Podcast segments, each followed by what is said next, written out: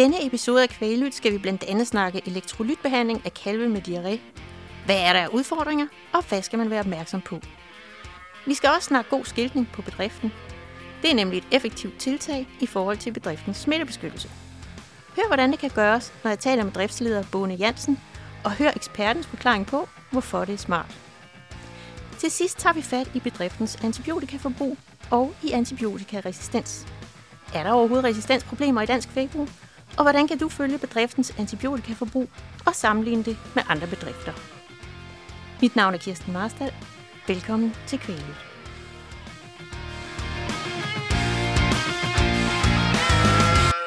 Vi skal starte med at snakke om elektrolytter. Elektrolytbehandling er afgørende, når man skal behandle kalve for diarré, men der er nogle ting, man lige skal være opmærksom på. Og derfor har jeg fået dig i studiet, dyrlæge Trine Fredslund Mathisen. Velkommen til. Tak. Øhm, vil du ikke sådan lige starte med kort at præsentere dig selv og hvad du arbejder med? Jo, jamen øh, jeg er øh, praktiserende kvægdyrlæge i Gråsten, hvor jeg har min egen lille praksis, hvor jeg kører sammen med min kollega. Øh, og udover at være praktiserende kvægdyrlæge, så har jeg også nogle projekter, hvor jeg fordyber mig i den videnskabelige litteratur. Og i den forbindelse har jeg været forbi det her med væsketerapi af kalve, og derfor har jeg, øh, ved jeg en hel del om det. Super. Så hvis vi lige skal starte sådan helt grundlæggende, hvad, hvad er det elektrolytbehandling går ind og gør i kalvens krop? Der er flere ting, men de to vigtigste, det er dels det her med at sørge for, at kalven ikke bliver dehydreret, eller hvis kalven er dehydreret, at den får optaget en masse væske til blodet, så den får det godt igen. Øh, og den anden, den anden væsentlige ting, det er det her med blodets pH, som falder, når kalven har diarré, og det er det, der gør den så dårlig, og det er derfor, den bliver så ringe at se på, og ikke vil drikke sin mælk, og, og nogle gange bare ligger sig ned i halmen og gider ikke rejse sig. Og det er simpelthen fordi pH'ets, øh, eller blodets pH det falder, så vi skal bruge en væsketerapi eller en elektrolytblanding, som går ind og får, får den her pH til at stige, så kalden får det godt igen. Okay. Og, og hvornår skal man sætte ind med behandling? Det er vigtigt, at man starter så tidligt i forløbet som overhovedet muligt. Og nogle gange kommer man til at måske behandle en kald, som ikke havde behov for det, men når vi bare snakker om væsketerapi, så gør det ikke så meget.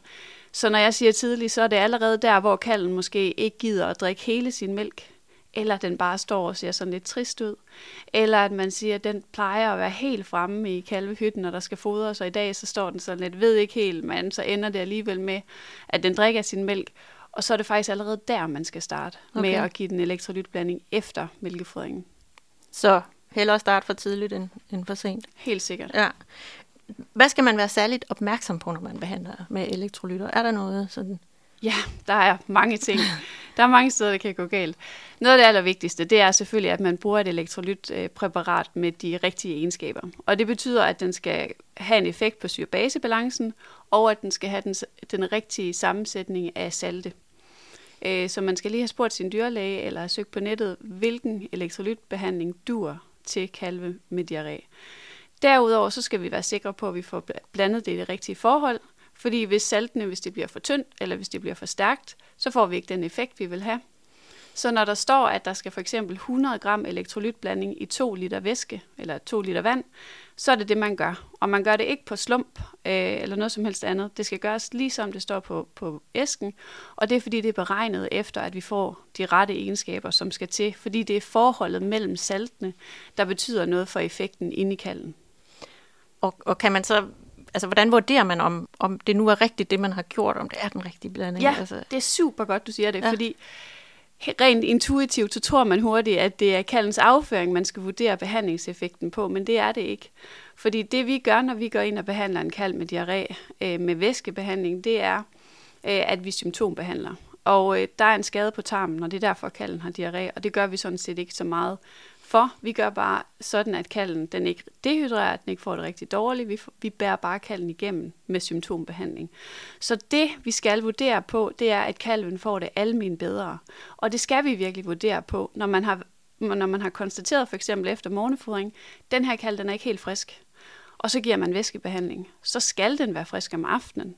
Ellers skal man finde ud af, hvad er det, der sker her. Og har man en kald, der er blevet rigtig dårlig, jamen så skal man allerede øh, for eksempel om middagen ud og tjekke, har den det bedre, give den væsketerapi igen, og man skal altså se en, en, en markant forbedring i kalvens almene tilstand fra behandling til behandling. Og gør man ikke det, så skal man finde ud af, hvorfor. Måske behandler man noget andet end diarré, øh, eller måske øh, er man for sent på den, så kalden simpelthen er så dårlig, når man begynder, at man ikke ser den her hurtige effekt. Eller måske dur det præparat, man arbejder med ikke. Øh, man skal finde ud af, hvorfor, hvis man ikke ser den ønskede effekt. Og hvordan gør man det? Snakke med sin dyrlæge. Okay. Ja. så, så helt praktisk, hvis du skal summere op, hvad, hvad er de gode råd omkring brug af elektrolytter, hvis vi sådan lige skal have det? Ja, jamen altså, elektrolytter, de skal blandes i det rette forhold. De skal gives så tidligt som overhovedet muligt, inden kalven bliver rigtig, rigtig dårlig. Øhm, vi kan godt give det, øh, det bedste det er at give det i vand efter mælkefodringen. Og øh, det allerbedste, det er at give 2 liter til en holsteinkald, 1 liter til en jersikald, og så gør det tre gange om dagen. Perfekt. Tak skal du have. Men øh, før jeg slipper dig helt, hvis jeg siger god skiltning på bedriften, hvad siger du så? Så siger jeg, det er bare en stor hjælp, når man kommer som en ny dyrlæge ind i en besætning, og skal finde indgangsporten. Det kan være et mareridt, for der er altid forskellige porte, og der er ofte forskellige bygninger, og man ved ikke, hvor støvlerne står. Så når der er et sted, hvor der står indgang, så er det bare en kæmpe hjælp. Så øh, indgangsskilte. Trine Fredslund Mathisen, tak skal du have. Selv tak.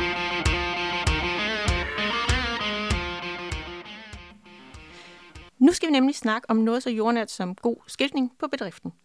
For det er en vigtig brik i bedriftens smittebeskyttelse.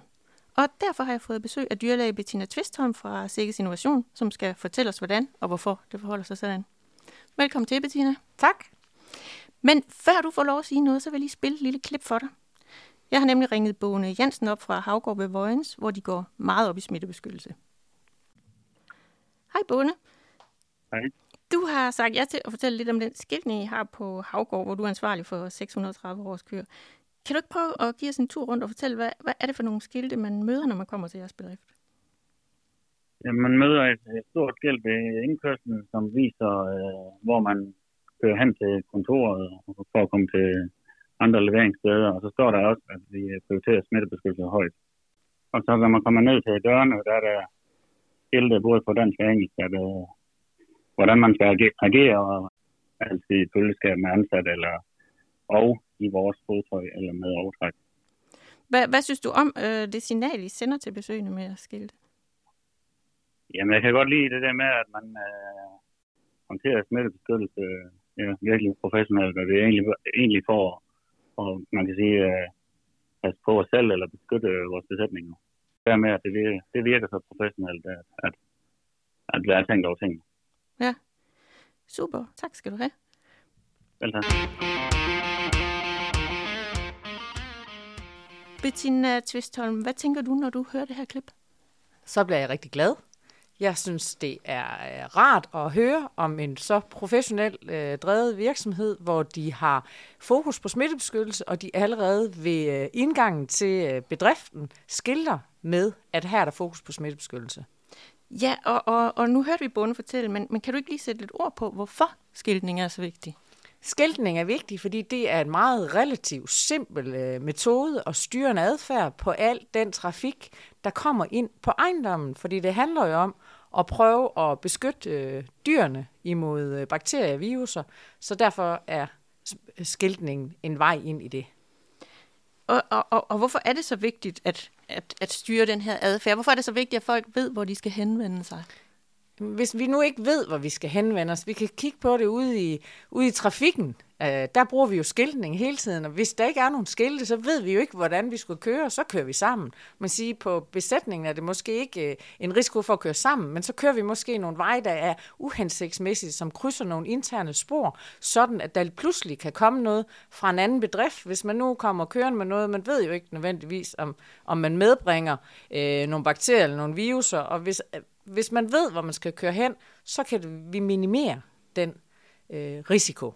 Ja, og, og når man står ved indgangen, altså hvor, hvorfor er det også vigtigt, når først man har fundet den, altså at, at det, Jamen, altså, det er den rigtige indgang, man bruger? Ja, men altså det er rigtig vigtigt at vide, hvor skal man gå ind for det første, ikke? fordi der kan være rigtig mange forskellige steder. Et, øh, hvor skal jeg køre hen? To, hvor skal jeg gå ind? Og øh, skal jeg gå ind her, sådan at der er nogle gummistøvler og noget overtøj, jeg kan bruge? Og det kan tydeligt, nogle gange står de tydeligt ved døren, at der er ingen adgang, uden at man har brugt øh, støvler og overtrækstøj. Ja, og så kommer man ind der, hvor det er. Ja, så kommer man ind det rigtige sted, i stedet ja. for at, at inde inde øh, inde i malkerummet eller inde ved nogle dyr, uden at have påført sig de her gummistøvler.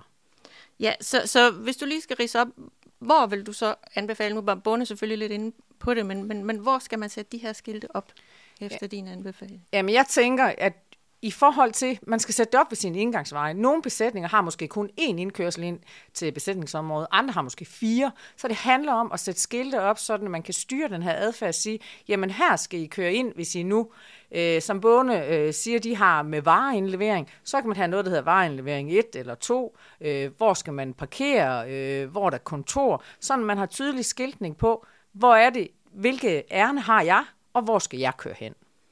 Og, og, og så skal man også have noget skiltning på dørene. Hvor må jeg gå ind hen? Det er også vigtigt. Så, så det vil sige, det er de steder, altså øh, fortæl, hvor skal jeg køre hen, og to, hvor skal jeg gå ind? Ja, øhm, og du kommer jo rundt på mange bedrifter. Hvordan ser det ud med skiltningen rundt omkring? Der er ikke ret meget skiltning derude.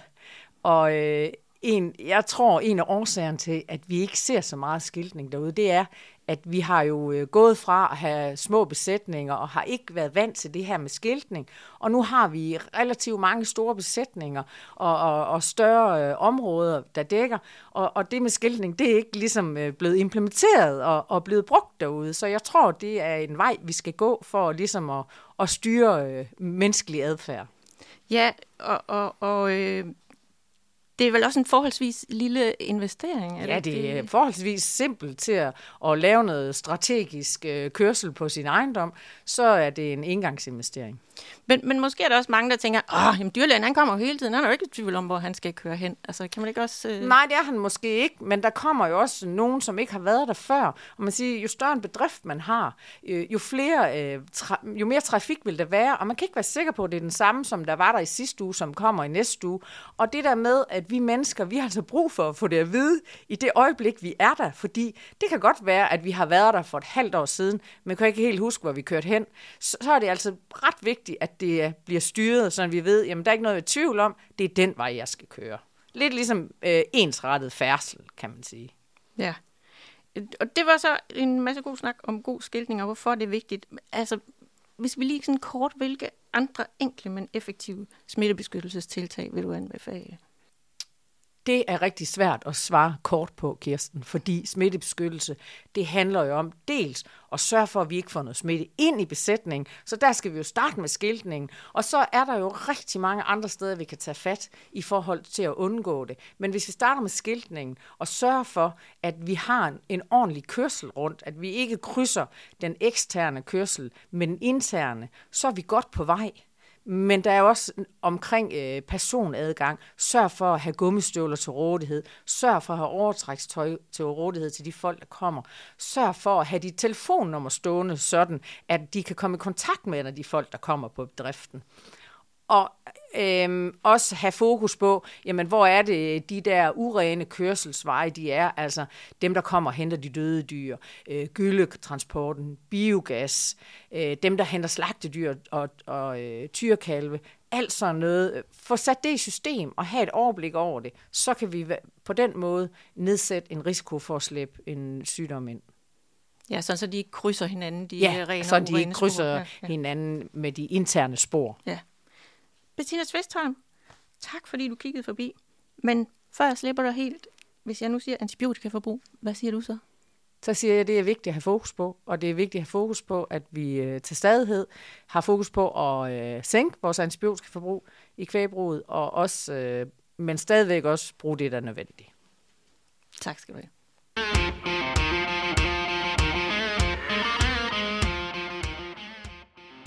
Nu skal det nemlig handle om brug af antibiotika og om antibiotikaresistens. Og derfor vil jeg byde velkommen til dig, Henrik Læsø Marting.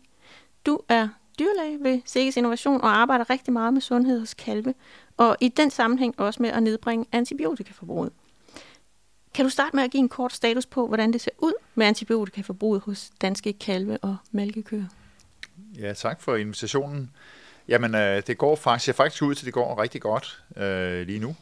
Øh, på ko-siden, at de får voksenkvæg, der har der været fald over en længere periode, over en del år. Øh, og det er især øh, inden, skal vi sige, det antibiotika, der er blevet brugt til yverbetændelse, behandling af yverbetændelse, som er, som er reduceret øh, kraftigt over de sidste år. Øh, på kalvesiden, der har vi haft en lang periode, de sidste 10 år, eller sådan noget, er det gået den gale vej, der er forbruget steget, øh, men det ser faktisk ud til, at, øh, at vi øh, måske har fået knækket kurven, i hvert fald så er forbruget for 22 øh, lavere end det var for 21, det er faktisk også lavere end det har været de sidste fem år. Øh, så det er rigtig positivt, og vi håber selvfølgelig, at det her det er noget, der holder os fremover. Det er da bare rigtig godt at høre, at det går i den rigtige retning, fordi det er jo noget, der snakkes og skrives rigtig meget om, det her med at nedbringe antibiotikaforbruget. Hvorfor er det så vigtigt? Jamen det øh, siger, der kan være flere grunde til at, at øh, bekymre sig om antibiotikaforbruget. At det allervigtigste, øh, tænker i sådan en samfundsmæssig øh, sammenhæng, det er jo, at vi har øh, antibiotika, som er effektive, når vi har infektioner hos, alvorlige infektioner hos mennesker. Det er ligesom det, der er hovedformålet, det er, at vi skal være sikre på, at vi kan behandle øh, øh, syge mennesker, så de bliver raske igen. Øh, og man siger, hvis ikke man har øh, effektive antibiotika, så er der rigtig mange ting, man ikke kan. Øh, der er rigtig mange banal, sige, forholdsvis banale sygdomme, man kan, man kan dø af, hvis ikke man kan behandle med antibiotika, og der er også rigtig mange operationer, man ikke kan gennemføre, rigtig mange kræftbehandlinger, som bliver umulige, hvis ikke vi har effektive antibiotika. Og så er der, sige, så er der også en side, der drejer sig om, øhm, om dyrene, øh, og det er klart, det også, vil også være rigtig træls, hvis, øh, hvis der er infektioner, som vi ikke kan, og øh, sygdomme, vi ikke kan behandle hos dyrene. Ja, og, og antibiotikaresistens, det er jo, når nogle bakterier de er blevet modstandsdygtige over for antibiotika. Det vil sige, det, altså netop det virker simpelthen ikke, når vi behandler. Øh, men hvor stort er problemet med resistens i dansk kvægbrug? Altså findes der overhovedet resistente bakterier? Ja, vi kan sige, det, det er heldigvis, øh, der er vi heldigvis ret godt stillet øh, i dansk kvægbrug. Øh, der er ikke så meget resistens. Øh, man kan sige, at det er heller ikke noget, vi har gjort øh, rigtig øh, voldsomt meget ud af at undersøge, fordi man ligesom regner med, at problemet ikke er så stort. Øh, men vi ved, det er derude, og øh, I svinesektoren har, har der været store problemer, øh, der har været snakket meget om det for nogle år tilbage, øh, med de her MRSA-infektioner, stafylokokker, som er resistente, øh, og de her infektioner har vi altså også i, øh, hos kvæg. Ikke, øh, til synligheden ikke så voldsomt meget udbredt, men det findes både i mælkeleverende besætninger, det findes også i, øh, i nogle slagtekalvebesætninger. Så det er jo et eksempel på øh, nogle af de bakterier, som vi rigtig gerne vil undgå. Øh, og vi ved også, at der indimellem optræder øh, både i forbindelse med luft, luftvejsinfektioner, øh, bakterier, som er resistente, og også med øh, en del tarm, øh, kan sige, bakterier, som foretager øh, tarm, øh, mavetarm øh, øh, sygdomme, diarré, øh, som også er resistente. Øh, så det er derude. Ja, så, så der er altså god grund til at, at forholde sig kritisk til, til, til forbruget.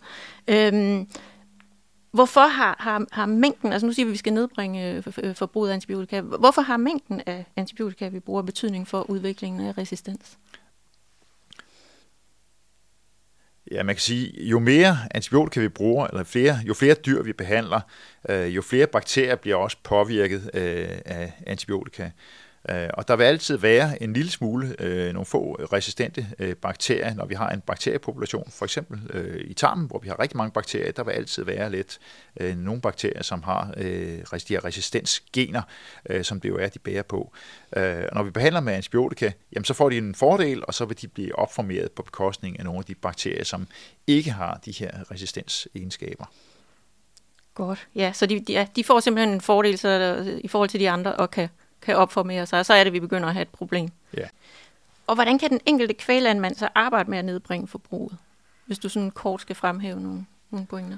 Ja, man tænker, at det allervigtigste, det er jo, at man, øh, man gør, hvad man kan for at prøve at begrænse øh, øh, sygdomme hos, øh, hos dyrene, både hos kalve og hos køer. Altså et godt forebyggende arbejde, øh, det er simpelthen det, der er vigtigst. Altså jo færre dyr vi er nødt til at behandle, jo mindre antibiotika kommer vi også til at bruge. Øh, Øh, og sige, hvis man har syge dyr, jamen, så er det rigtig vigtigt, at man får øh, behandlet så øh, målrettet og effektivt som, øh, som muligt. Og det er selvfølgelig noget også, man må øh, prøve at finde ud af, hvordan det skal gøres i samarbejde med, øh, med besætningsdyrlægen. Øh, og en af de vigtige ting, det er selvfølgelig også, at man har nogle, en præcis diagnose, ved hvad det er for nogle bakterier, man har med at gøre, øh, så man kan ramme bedst muligt. Og så er det rigtig vigtigt at øh, holde en god hygiejne, så vi undgår at sprede bakterier både rundt øh, i stallen mellem forskellige, forskellige dyregrupper for eksempel, men det er også rigtig vigtigt, at vi øh, undgår, at vi får slæbt øh, bakterier eller resistente bakterier i hvert fald med hjem øh, i egen husholdning. Øh, Øh, og der drejer det selvfølgelig om øh, både at øh, få vasket hænder øh, jævnligt, bruge handsker til flest mulige funktioner, hvor man har risiko, risiko for at blive øh, beskidt, eller hvor man håndterer medicin, og så sørge for at have rent tøj på, eller få det skiftet, når det bliver beskidt. Øh, og det er også nogle af de her øh, retningslinjer, som bliver brugt rigtig meget i svineproduktionen, og vi ved, at det er noget, der hjælper, hvis man skal øh, begrænse spredningen af resistente bakterier. Super. Øh, og, og hvis man så skal arbejde med at nedbringe forbruget i sin besætning, så, så er man jo ligesom nødt til at, ligge, hvor, øh, eller vide, hvor ens forbrug ligger øh, i forhold til andre. Hvordan finder man ud af det?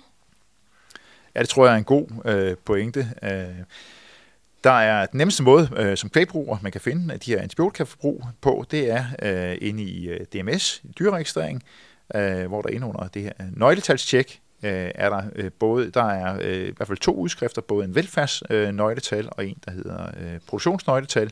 På begge, begge, begge de her udskrifter, der øh, finder man de her ADD-værdier, øh, og kan både se sin egen værdi, og også sammenligne med, hvordan andre ligger, øh, så man får et godt grundlag for at øh, vide, om, eller hvad potentialet er for at, øh, for at nedbringe forbruget.